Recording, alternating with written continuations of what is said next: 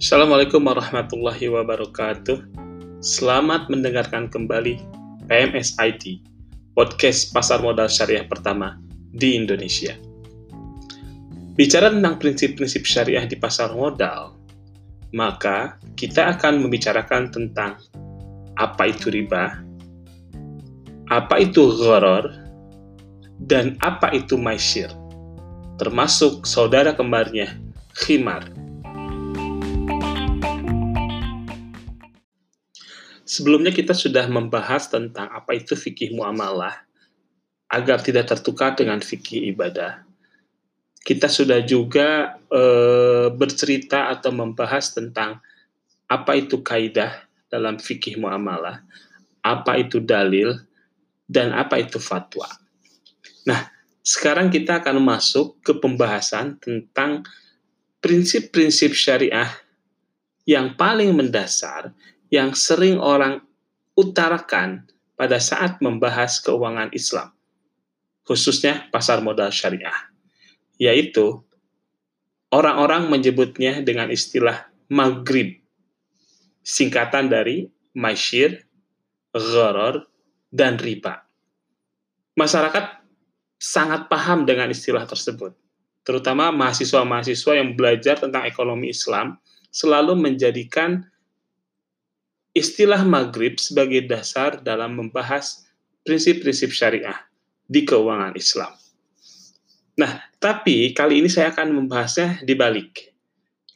Kita akan bicara dulu tentang riba yang merupakan variabel yang paling sering dibicarakan, variabel yang paling dikenal, variabel yang paling sering dibahas ketika kita bicara ekonomi Islam, atau kita bicara keuangan Islam.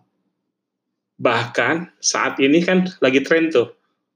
Ada misalnya masyarakat anti riba. Kalau jualan properti syariah selalu tagline-nya itu adalah bebas riba. Nah, pertanyaan paling mendasar adalah apa sih riba? Riba secara harfiah itu sering disebutkan sebagai kelebihan tambahan, addition, gitu ya. Jadi setiap tambahan itu secara harfiah disebut riba. Tetapi makna riba yang sebenarnya bukan hanya tambahan, lebih jauh dari itu. Nah, riba menjadi penting ketika kita bicara tentang keuangan Islam, karena pada saat kita bicara industri perbankan misalnya, maka kita sedang berbicara sebuah industri yang di dalamnya yang pendapatan utamanya berasal dari bunga bank, di mana majority ulama mensepakati bunga bank adalah riba. Artinya, kalau kita ingin mengembangkan keuangan Islam, maka kita harus bebas dari riba. Sehingga riba menjadi pokok e, inti pembicaraan tentang prinsip syariah di keuangan Islam. Nah, oke, okay, sekarang kita kembali ke definisi riba. Apa sih sebenarnya riba? Kenapa menjadi center of e, apa namanya itu pusat dari pembicaraan semua orang? Nah, sebenarnya dasarnya adalah ketika Quran, dalil dalam Al-Quran menyatakan dengan tegas bahwa riba itu haram, jual beli itu boleh. Sehingga orang sepakat bahwa riba adalah haram. Tetapi per, permasalahan timbul ketika pertanyaannya datang sebagai berikut. Kalau riba itu haram, bagaimana bentuknya? Seperti apa sih riba yang disebut haram dalam Quran itu? Nah, ketika bicara tentang bentuk dari riba, maka terdapat perbedaan yang cukup signifikan atau khilafiyah di para ulama. Secara garis besar, perbedaannya adalah ada yang menyatakan bahwa bunga bank itu bukan riba, sehingga bunga bank itu boleh. Tetapi yang paling banyak menyatakan bunga bank adalah riba, sehingga bunga bank menjadi haram. terlepas dari diskusi itu, saya perlu menggarisbawahi bahwa ada dua hal yang paling penting ketika membicarakan perbedaan pendapat tentang definisi riba. Pertama adalah bicara tentang riba dalam konteks pribadi, akademisi, atau pemahaman yang lebih cenderung untuk keyakinan diri. Konteks kedua adalah pemahaman riba secara peraturan atau regulasi. Artinya apa? Artinya ketika seseorang menjalankan bisnis dengan menggunakan konsep syariah, maka akan terikat dengan regulasi.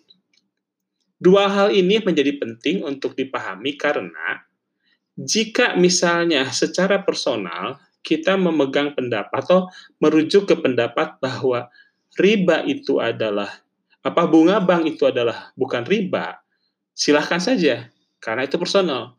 Tetapi begitu kita bicara bisnis, begitu kita bicara e, pasar modal, begitu kita bicara perbankan, begitu kita bicara industri keuangan, maka kita harus merujuk ke regulasi.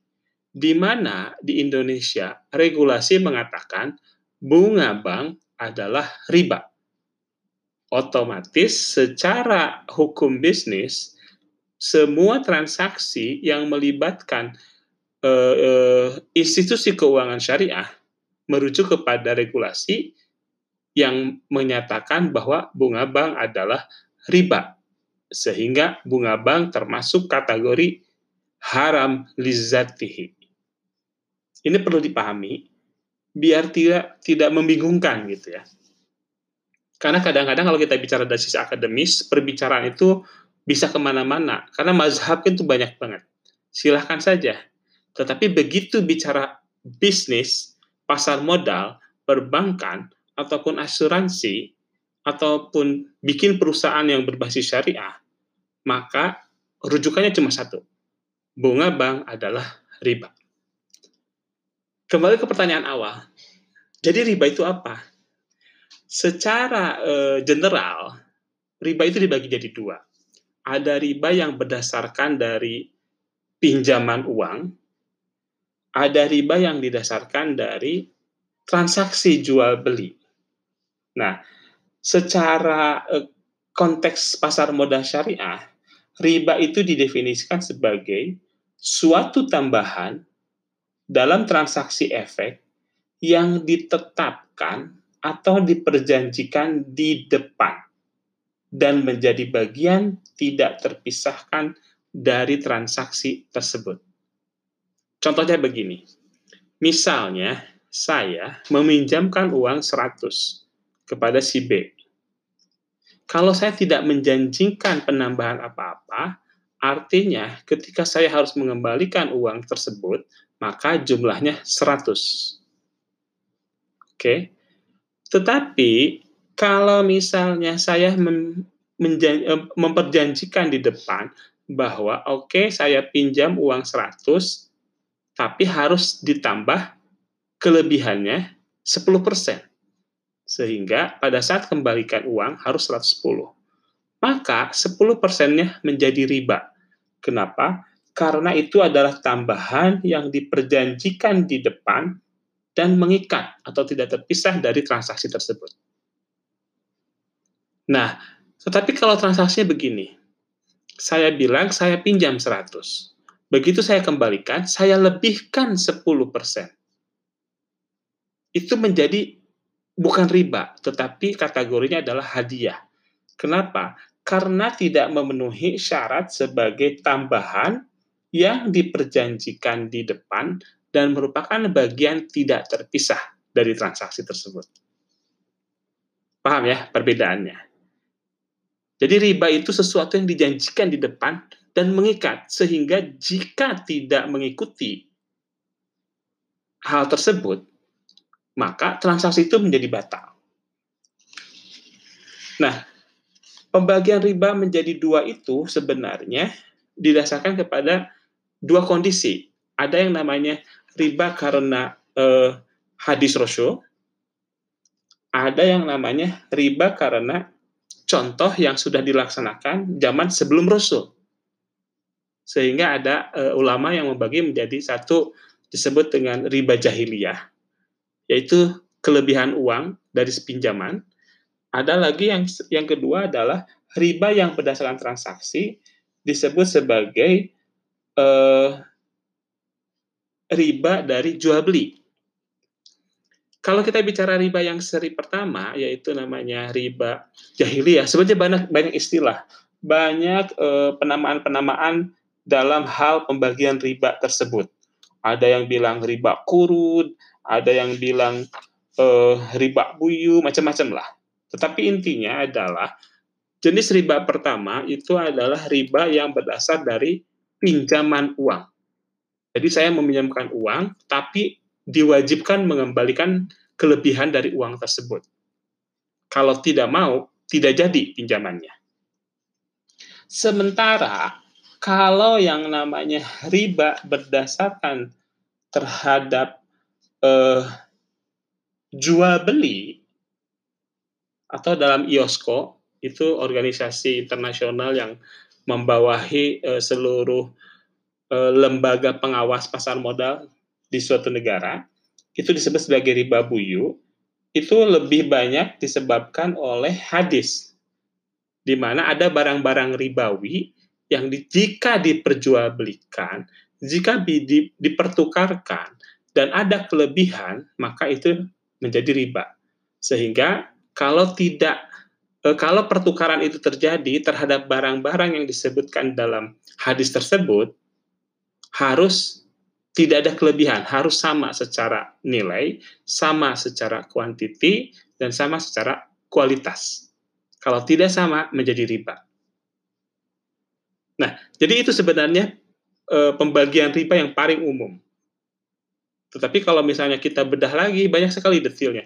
Misalnya, ada ulama yang membedakan ketika pinjaman itu di awal tidak bersyarat, tetapi dikenakan syarat ketika tidak bisa membayar. Misalnya, saya kembali, saya pinjam 100 seminggu, tetapi saya tidak mampu mengembalikan seminggu kemudian.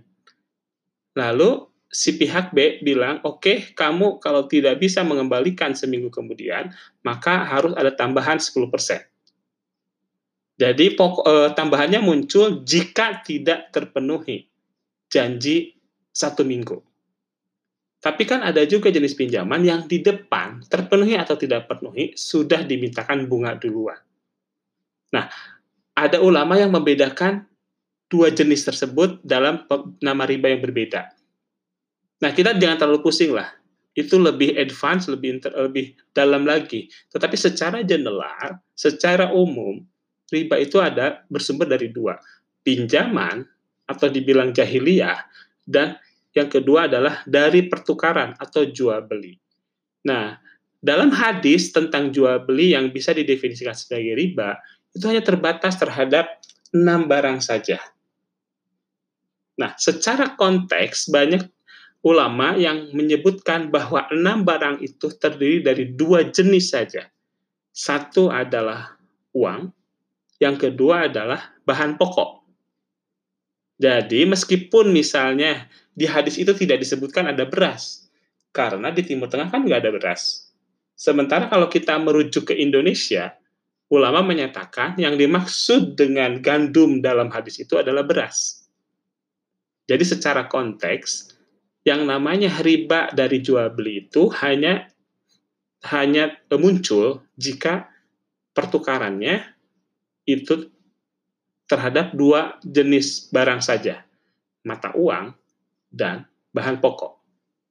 Nah, mata uang itu sebenarnya sederhana. Mata uang itu menjadi riba jika yang dipertukarkan atau yang dijual belikan itu adalah mata uang yang sama, misalnya rupiah dengan rupiah.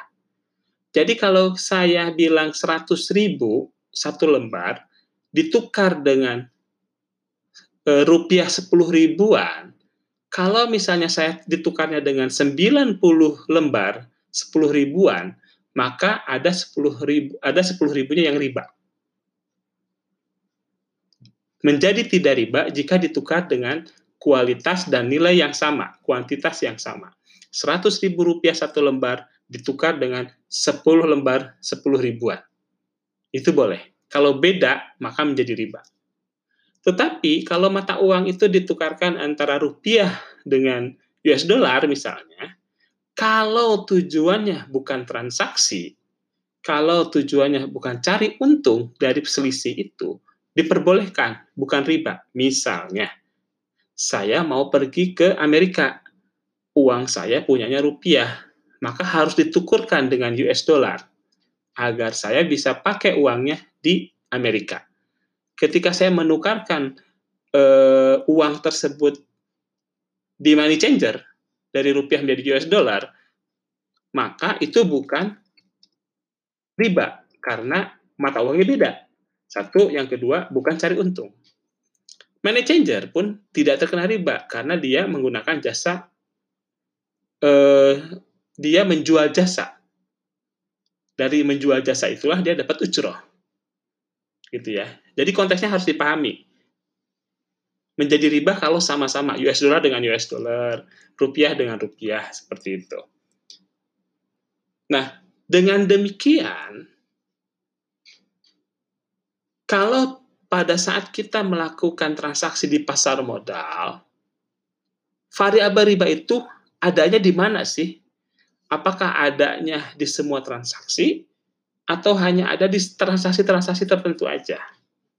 Jadi pada dasarnya, riba di transaksi investasi di pasar modal syariah itu munculnya pada saat seleksi saham atau ketika memilih saham mana yang lolos seleksi syariah. Di situ ada variabel riba sebagai indikator seleksi. Tetapi kalau kita bicara transaksi, maka hampir dipastikan tidak ada riba dalam setiap transaksi saham di Bursa Efek Indonesia. Kenapa? Nanti kan saya bahas khusus tentang sistem yang menjadikan hal tersebut tidak terjadi riba. Nah, mengenai seleksi saham syariah, nanti saya akan ada edisi khusus, episode khusus tentang saham syariah, sehingga bisa saya jelaskan dengan clear apa seleksinya dan di mana posisi ribanya. Saat ini yang harus teman-teman ketahui, riba di pasar modal syariah akan banyak terjadi, akan banyak e, berpengaruh pada saat melakukan seleksi saham syariah. Tetapi kalau teman-teman melakukan transaksi perdagangan efek, khususnya saham syariah, hampir dipastikan tidak ada riba dalam transaksi tersebut.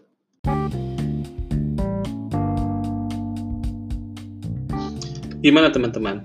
Sudah mulai paham ya? Apa sih yang namanya riba? Dan kenapa Indonesia menganut pemahaman riba itu, eh, bunga bank itu adalah bagian dari riba. Nah, sekarang kita akan mencoba membahas satu hal, satu variabel yang paling sering terjadi di pasar modal, khususnya pasar modal syariah pada saat investor melakukan transaksi. Variabel itu disebut dengan gharar. Berbeda dengan riba, mencari referensi atau informasi tentang gharar dan penerapannya di pasar modal syariah itu relatif lebih susah. Karena kalau kita cari referensi tentang riba, gampang banget banyak banget yang bercerita tentang riba. Nah, tetapi pada saat kita mencari referensi tentang gharar dalam investasi di pasar modal syariah, relatif susah. Sehingga sangat wajar kalau banyak yang belum paham apa itu gharar dan apa uh, aplikasinya atau dampaknya pada sebuah transaksi, khususnya transaksi di pasar modal syariah. Jadi, kalau kita bicara tentang gharar, maka sebenarnya secara arti sederhana kita sedang berbicara suatu kondisi yang tidak pasti. Suatu hal yang tidak jelas atau ambiguitas. Nah, karena kita bicara tentang sesuatu yang tidak jelas atau bisa disebut juga dengan ketidakpastian, maka bicara horor kita sedang bicara tentang transaksi di masa depan. Karena masa depan tidak ada yang tahu. Masa depan tidak pasti, masa depan tidak jelas. Seberapa lama masa depan itu tergantung. Bisa satu tahun, satu bulan, satu hari, satu menit, sepuluh tahun. Jadi, horor itu ada jika transaksinya berhubungan dengan variabel waktu di masa depan. Kalau transaksinya saat ini dan mas, eh, maksudnya adalah on the spot, saya kasih uang, saya kasih barang, kemungkinan terjadinya goror itu sangat kecil.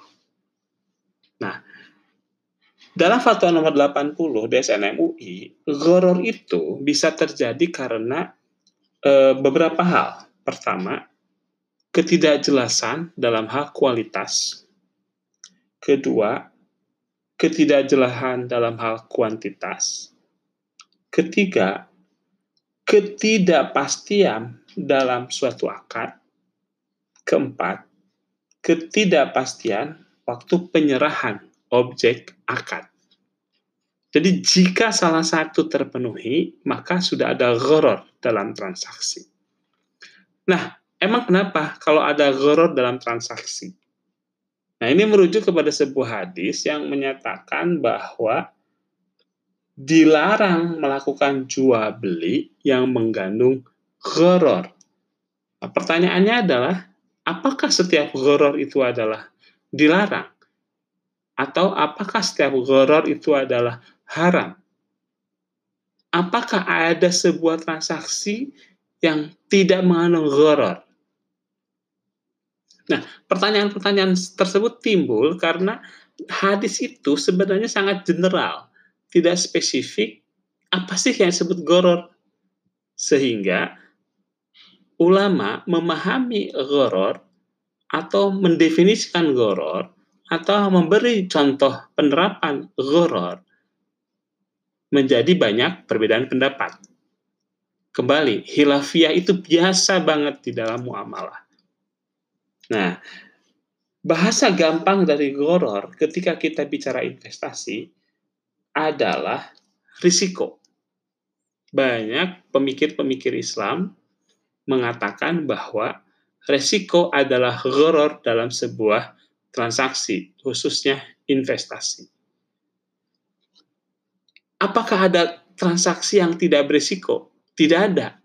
Semua transaksi, apalagi di pasar modal, maka ada risiko sesuai kaidah sebenarnya. Ada kaidah fikih muamalah yang menyatakan bahwa jika kita ingin mendapatkan keuntungan atau jika kita berusaha untuk mendapatkan suatu keuntungan, maka di situ ada resiko yang harus dihadapi. Kalau usahanya adalah investasi, maka resikonya adalah rugi. Sehingga setiap investasi pasti ada gharornya. Karena kan kita tidak ada yang tahu apakah transaksi investasinya akan untung atau tidak di masa depan. Nah, kemudian timbul pertanyaan, kalau demikian apakah semua investasi adalah e, dilarang atau tidak sesuai syariah atau haram karena mengandung horor? Nah, majoritas ulama sepakat bahwa ketika kita mendefinisikan horor, maka ada tingkatannya ada goror yang boleh, ada goror yang ragu-ragu, ada goror yang haram. Apa sih perbedaannya antara kenapa suatu goror yang ini dibilang boleh, yang itu dibilang haram? Nah, secara gampang kita lihat contoh aja. Jadi, sesuatu yang kita lakukan meskipun sudah ada persiapannya, bisa jadi hasilnya tidak sesuai dengan persiapan yang kita lakukan. Misalnya begini, saya mau beli saham A. Saya sudah pelajari saham tersebut, kinerjanya, kemudian e, bisnisnya, kemudian pergerakan sahamnya. Nah, berdasarkan hasil yang saya pelajari, saham tersebut adalah saham bagus, sehingga berpotensi memberikan keuntungan di masa depan. Kemudian saya beli saham tersebut. Eh, ternyata rugi pada saat saya jual, ternyata rugi. Nah, gharar yang ini adalah gharar yang boleh. Karena kita sudah mempelajari semua hal yang berhubungan dengan kinerja perusahaan tersebut. Sehingga kita berharap akan untung menjadi rugi itu adalah resiko. Tetapi goror yang menjadi haram jika kita memutuskan beli saham A tapi kita tidak tahu sahamnya apa. Kita tidak tahu perusahaannya apa. Kita tidak tahu kinerja sebelumnya bagaimana. Langsung kita beli saja. Maka transaksinya mengandung goror, khususnya goror dalam hal barang. Nah, jika investor melakukan transaksi seperti tersebut, maka termasuk goror yang haram atau bahasa gampangnya investor itu sengaja menjadikan transaksi sebagai objek. Eh, bukan transaksi, sengaja menjadikan risiko sebagai objek transaksi. Sehingga masuk kategori gharar yang haram. Paham ya bedanya? Nah, kalau saya lebih gampang menjelaskan gharar itu untuk konteks investasi dalam bentuk eh, apa tuh istilahnya itu? uh, vektor. Jadi gharar itu nggak mungkin nol. Karena tidak ada risiko. Nol gharar nol sama dengan tidak ada risiko. Itu tidak mungkin. Karena kita berhadap berbicara tentang masa depan. Nah, sehingga gharar itu menjadi boleh jika dia mendekati nol. Sementara kalau dia eh, apa namanya mendekati tak terhingga, ghorornya menjadi haram. Embahnya ghoror adalah maisir. Jadi secara gampang, kalau kita bicara tentang maisir, maka kita bicara tentang embahnya ghoror. Maisir itu pasti ghoror. Tetapi tidak semua ghoror adalah maisir. Apa sih maisir? Judi. Nah, kadang kita menyamakan antara judi dan taruhan, padahal secara fikih agak sedikit berbeda.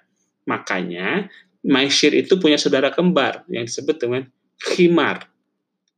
Bukan bukan hamar ya, ki pakai q, khimar. Maisir dan khimar itu adalah saudaraan. Yang satu adalah judi, yang satu adalah e, taruhan. Bedanya apa? Gampangnya begini Maisir itu adalah judi taruhan yang kita biasa lakukan nih, sering banget kita lakukan. Misalnya kita nonton bola, kemudian kita taruhan. Misalnya MU lawan Liverpool lah, kita taruhan MU menang atau Liverpool menang. Jika salah satu ternyata e, kalah, maka uang yang sudah ditaruhkan itu menjadi milik yang orang lain. Nah itu maisir, judi taruhan karena kita tidak ikut bermain. Tetapi ada juga judi taruhan karena kita bermain. Misalnya apa? Misalnya kita main eh, apa itu namanya biliar. Pada saat main biliar, yang kalah bayarin koin. Nah itu taruhan kita ikut bermain itu bahasa fikihnya sering disebut sebagai kimar. Sama-sama judi dan taruhan, bedanya yang satu kita tidak ikut bermain, sementara yang satunya lagi kita ikut bermain.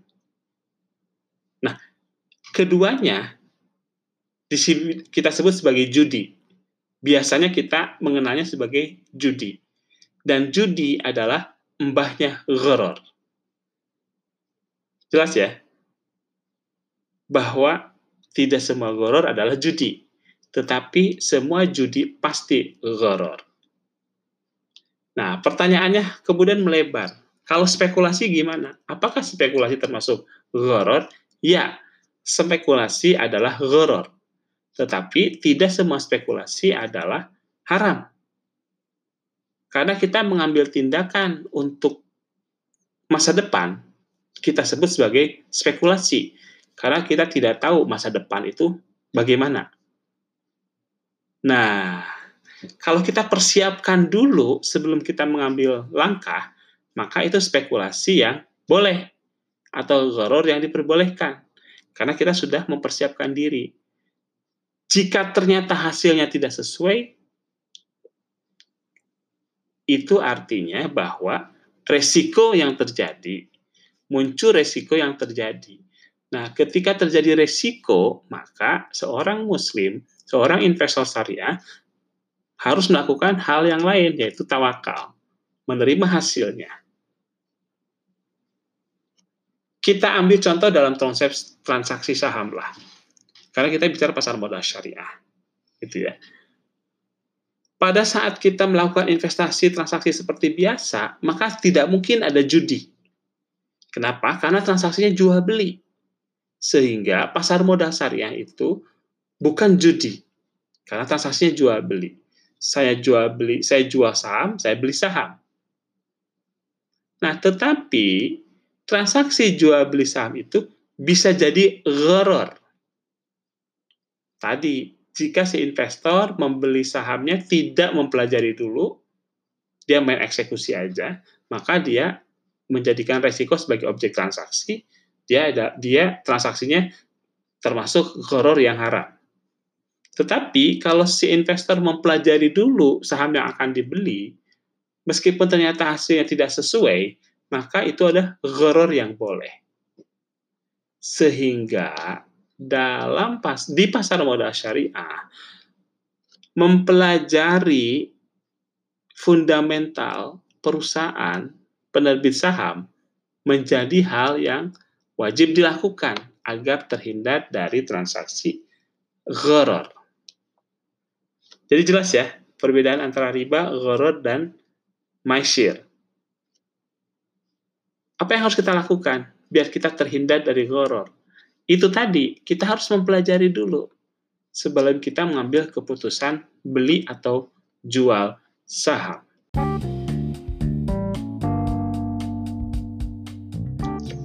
Nah, teman-teman, dengan memahami prinsip-prinsip Islam di pasar modal, maka pemahaman kita tentang pasar modal syariah sudah lengkap. Sebelumnya kita belajar tentang pasar modal. Edisi kali ini kita membahas tentang prinsip-prinsip syariah di pasar modal. Dengan demikian, sudah saatnya pembahasan kita memasuki area bagaimana penerapan prinsip-prinsip syariah tersebut dalam sebuah akad transaksi di pasar modal syariah. Nantikan episode selanjutnya. thank you